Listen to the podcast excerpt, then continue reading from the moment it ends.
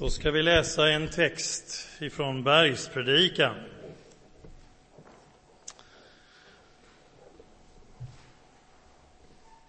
Dagens evangelietext, Matteus 5, vers 38 till 48.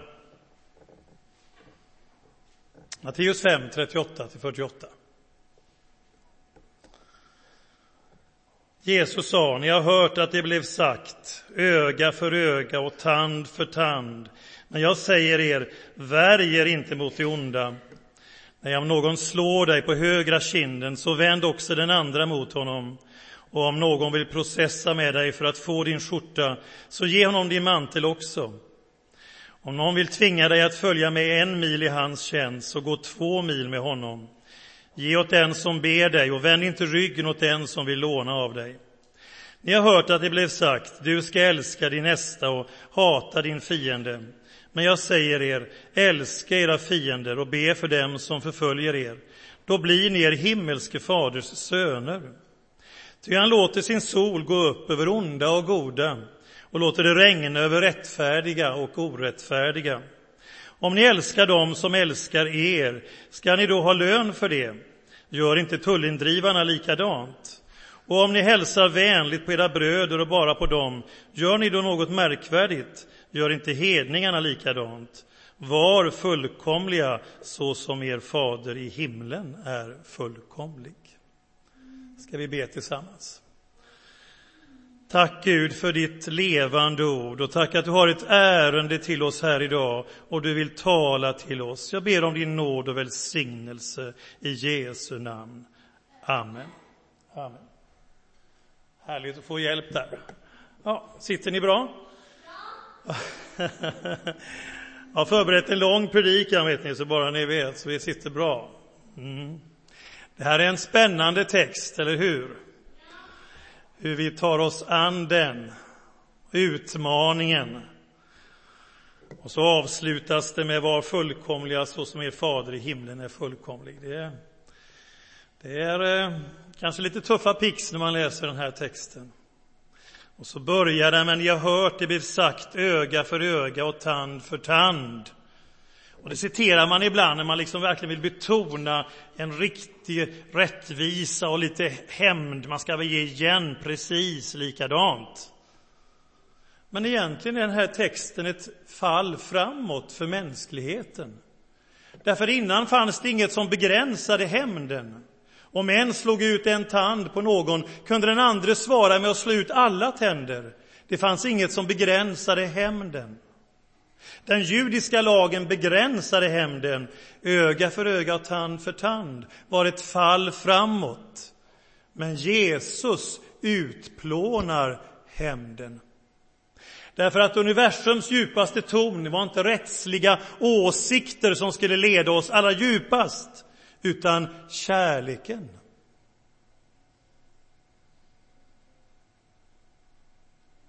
Och så säger Jesus de här förundliga orden. Jag säger er, värj er inte mot det onda. Nej, om någon slår dig på högra kinden, så låt han också slå dig på den vänstra. Står det så? Nej. Det är lätt vi läser så. Och då hade det varit, som en del säger, belackare, att religion är opium för folket, att hålla dem i schack, att blunda för orättfärdighet och förtryck. Men det står inte så. Nej, om någon slår dig på högra kinden, så vänd också den andra mot honom. Och skulle jag få det knasiga infallet att slå dig på kinden, då fick jag använda min högra hand och med yttersidan. Och när jag slår så här och träffar dig, då vet vi att det gör fysiskt ont. Men slår man så här, så är det ett uttryck för förakt och nedvärdering och gör ännu mer ont i vår själ än på vår kind. Om någon slår dig på högra kinden, så vänd också den andra. Med andra ord, svara inte med samma mynt. Möt inte våld med våld. Låt inte den andres attityder och skiftande humör och handlingar få styra och provocera dig att göra på ett sätt som du inte vill. Det finns en väg till frihet. Du kan få välja vapen, om vi uttrycker så, och slagfältet. Vänd andra kinden till. Svara inte med samma mynt. Jag tyckte det var så starkt om David Wilkersons liv när han kommer in, jag har säkert hört och känner till väl, när han kommer i början på 60-talet till gängen i New York som kan allt om våld. Och så kommer han in i det här sammanhanget och de vet inte hur de ska hantera karln. De hotar honom och de ska ta död på honom och då säger han om ni så skär mig i tusen bitar så ska varje bit ropa Jesus älskar dig. Och de vet inte hur man ska hantera. Våldet visste man, men kärleken var någonting nytt. Och de blir förvandlade och förändrade. Någon som vänder andra kinden till. Om någon vill processa med dig för att få din skjorta så ge honom din mantel också. Om man hade fordringsägare hade man alltid rätt att få behålla sin mantel till skydd för natten mot kylan. Men ge honom manteln också. Om någon vill tvinga dig att följa med en mil i hans tjänst, för så kunde romarna göra, officerare och andra, tvinga en judisk medborgare, rekvirera honom för tjänst och kanske bära en packning och så gå med. Så säger Jesus, gå två mil med honom. Ena kinden, skjortan och en mil, det är passivt motstånd. Men att vända andra kinden till, att gå den andra milen, att ge manteln också, med tungan på vågen, det är kärlekens aktivitet. Det är aktivt motstånd, kärlekens språk. När officeren säger till juden, nu går vi en mil och han bestämmer, han har makten. Så säger plötsligt den här som går med honom när milen är slut att det var en härlig promenad idag. Ja, jag följer med dig en mil till. Och då känner han att han har inte längre makten, den här mannen är ju fri. Den kan gå en mil till. I veckan var jag ute i Änggårdsbergen och gick med Sture Johansson en mil i hans fart. Jag vet inte om ni har gjort det någon gång. Har ni gått med Sture en mil i hans fart? Ja, jag gjorde det så gott jag kunde. Och jag vet inte, vad tror du Sture, om jag hade fixat en andra mil? Kanske hade jag gjort i den farten. Ja. Men här ligger friheten att göra någonting ytterligare än det som krävs. Jag har sett en förunderlig film som jag inte kan säga vad den heter. Jag vet inte om någon av er kan det. Det är av han David Lynch, eller vad han heter, eh, producenten, filmskaparen, som eh, har gjort en film om en man som åker i en gräsklippare i flera veckor. Har ni sett den någon gång? Är det någon som har gjort det? Nej, då kan ni inte hjälpa mig med titeln heller, men, men eh, det är en man som upplever att han måste försonas med sin bror innan han dör. Och han har inget fordon och, han, och brodern bor många mil bort. Och då bestämmer han sig för att han åker på sin gräsklipparmaskin. Den åker han på i flera veckor för att till slut komma fram till sin bror, för att försonas med honom medan som ännu är i livet. Och brodern kommer ut förundrad att få se honom igen och så säger han, har du åkt på den där? Ja, säger han, hela vägen, för jag måste försonas med dig medan vi är i livet.